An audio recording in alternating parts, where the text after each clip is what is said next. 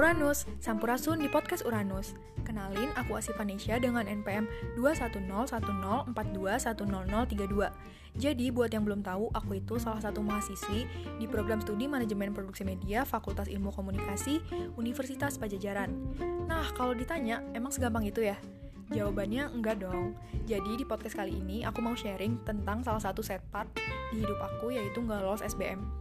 Setelah sebelumnya aku nggak lolos SNM, awalnya aku jadi makin takut. Bahkan aku mulai kepikiran hal-hal kayak kalau aku nggak lolos di mana-mana gimana ya? Dan ternyata apa yang aku selama ini takutin benar-benar kejadian. Waktu itu tanggal 14 Juni, aku pasang reminder di HP aku tulisannya pengumuman SBM.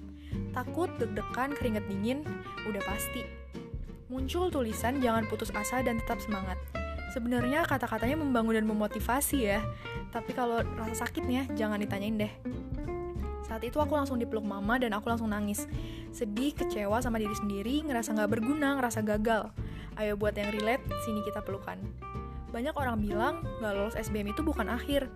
Ngomongnya emang gampang sih, tapi kalau kita yang ngalamin, rasanya dunia kita itu kayak hancur.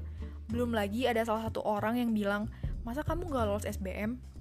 Intinya buat kalian yang ngerasa sedih dan hancur, terutama buat kalian yang pernah ngerasain apa yang aku rasain, yaitu gak lolos SBM, kalian gak perlu pedulin orang lain yang sebenarnya gak peduli sama kalian. Temen aku pernah bilang, kamu itu gak harus semangat kok buat ngejar impian.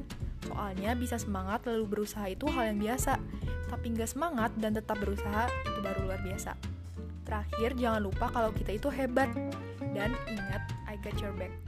Segini dulu deh dari aku. Jangan lupa dengerin episode lainnya ya di podcast Uranus.